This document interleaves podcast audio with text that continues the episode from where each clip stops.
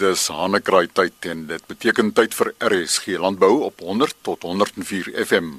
Chris Viljoen groet Vrydag uit die Landbouateljee op Elsenburg en hierin vanoggend die Suid-Afrikaanse Vroue Landbou Unie Kongres in Windhoek, bergopvanggebiede, vure en uitheemse plante. 'n Dierebedryfsdag op die 21ste November, die grootmaak van kalwers en die graanbedryf in die Wes-Kaap besig om te stroop.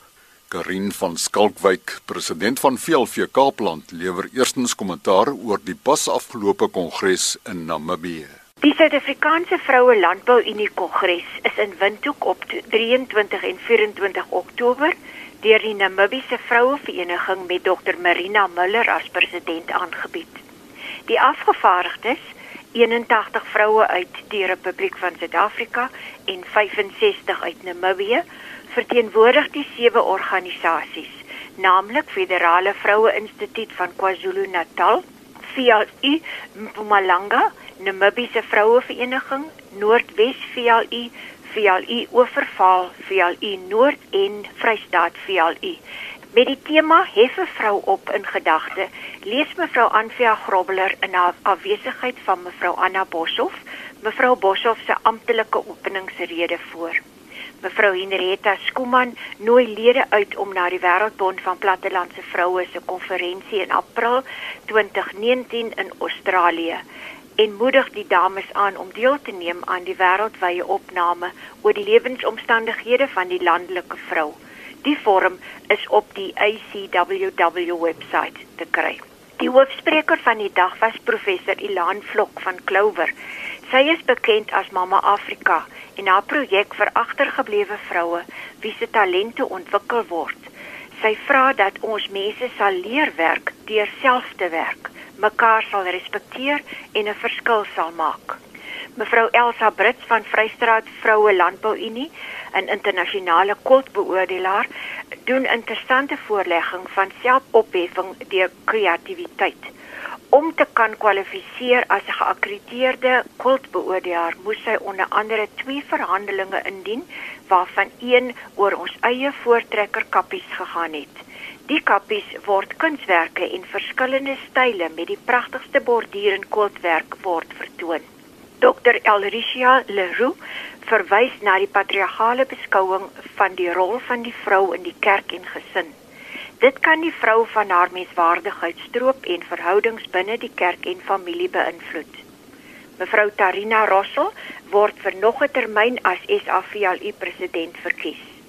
Dit was vir my 'n eer en 'n voorreg om as VLVK president en eregas van SAVLU hierdie kongres te kon bywoon.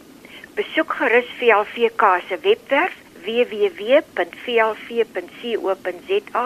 of skakel die VLV kantoor op Stellenbosch by 021 886 5064 vir enige VLV navrae. President van VLV Kaapland, Karin van Skalkwyk het gesels uit die handom.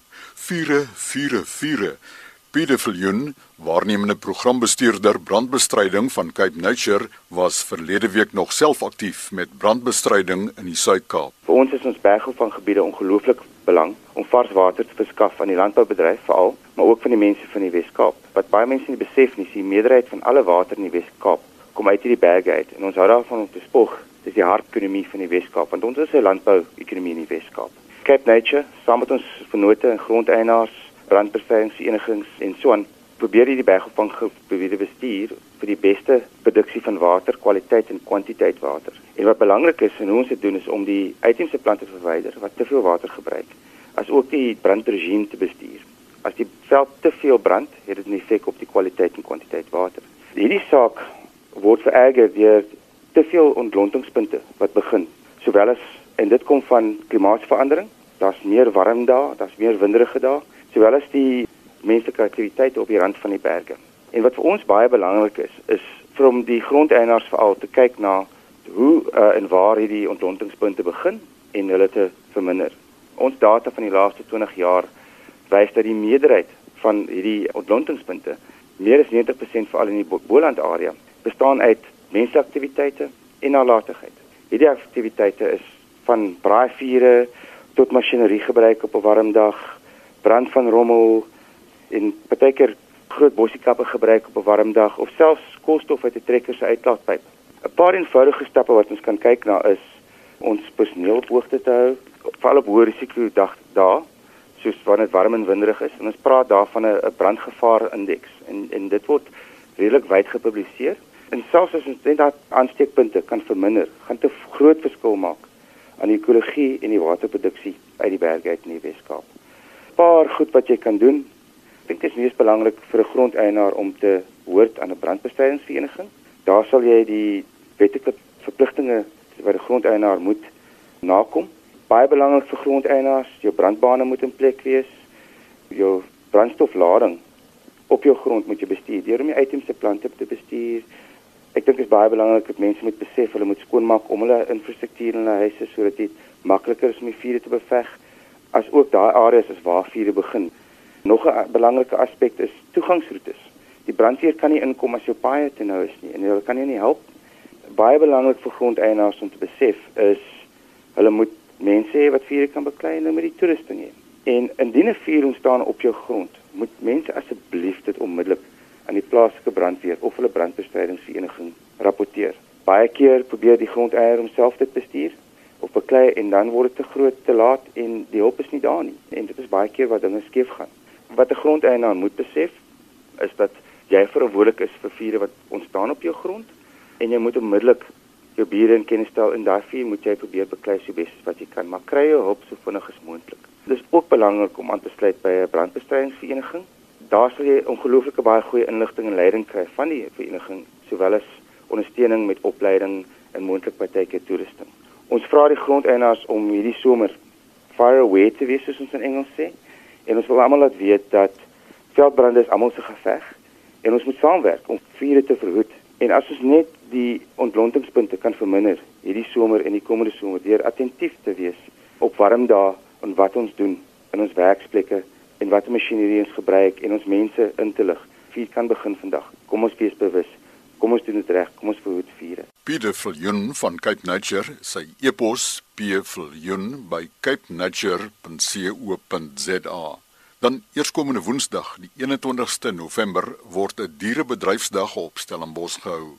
Dr. Elet Lambrechts, senior lektor in die departement veekundige wetenskappe by die Universiteit van Stellenbosch. Die departement veekundige wetenskappe van Stellenbosch Universiteit het verlede jaar vir die eerste keer industrie of bedryfsdag gehou wat ten doel het om die navorsing wat ons tans in die onderskeie dierebedrywe doen, maar ook die moontlikhede wat by ons as departement bestaan om bedryfsgerigte navorsing vir die onderskeie dierebedrywe te doen, om dit basies aan hoofsaaklike diensverskaffers bekend te stel.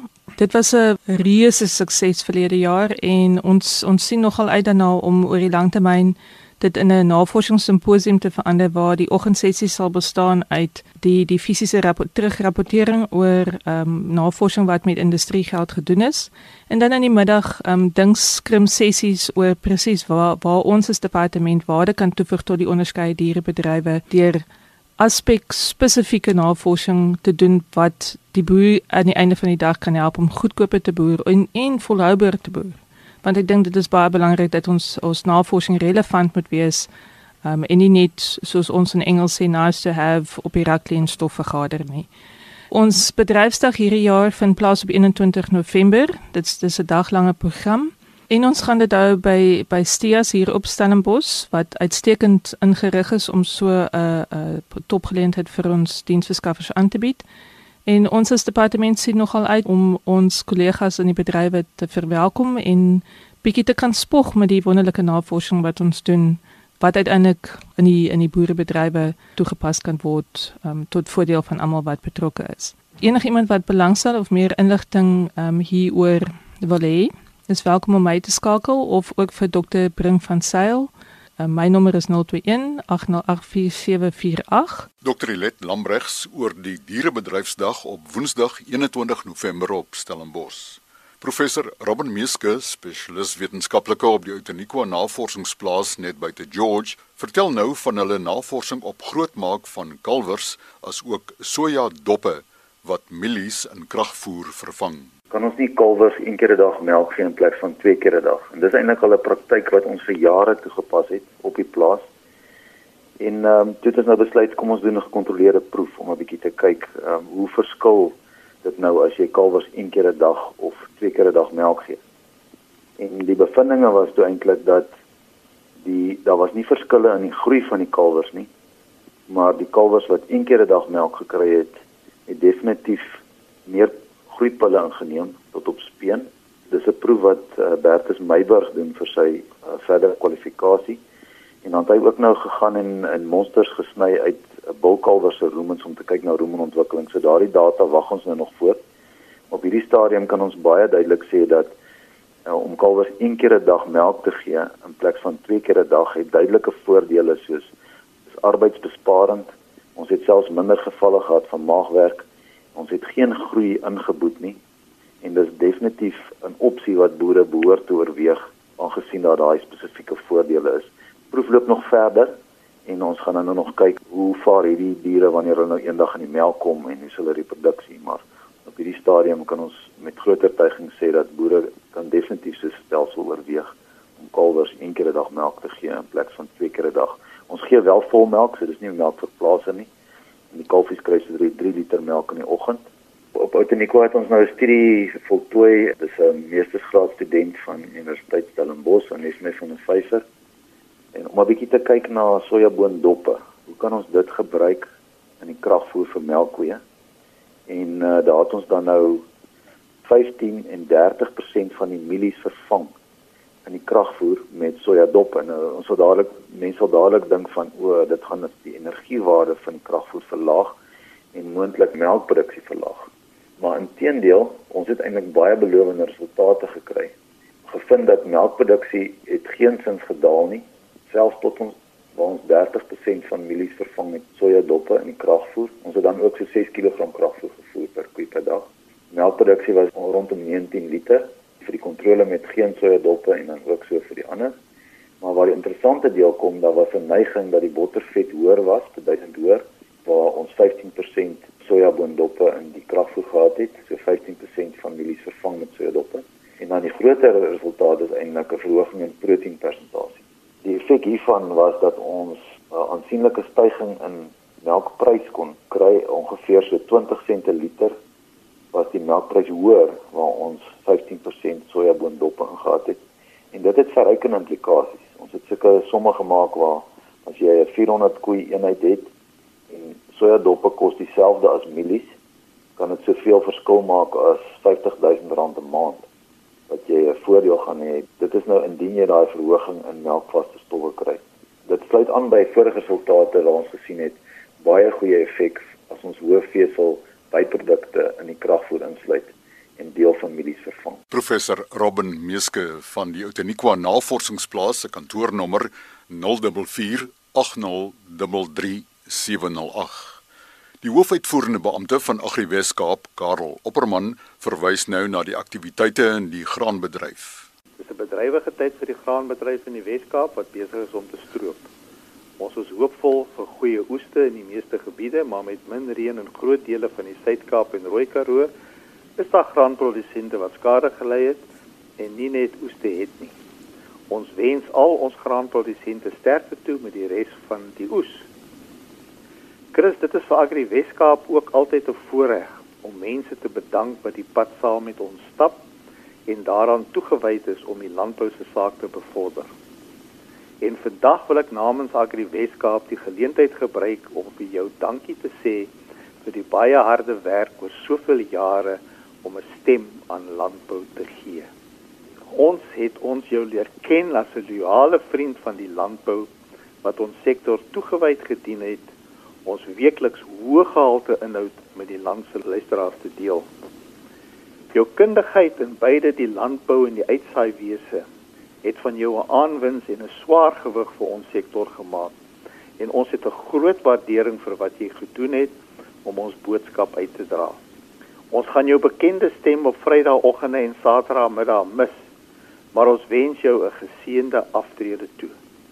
Christus in dieselfde asem wil ek ook vir die Wes-Kaapse Departement van Landbou dankie sê dat hulle Elsenburg Radio steeds op die lig hou. Dit bly vir die produsent en die verbruiker 'n baie belangrike platform vir vars landbou nuus.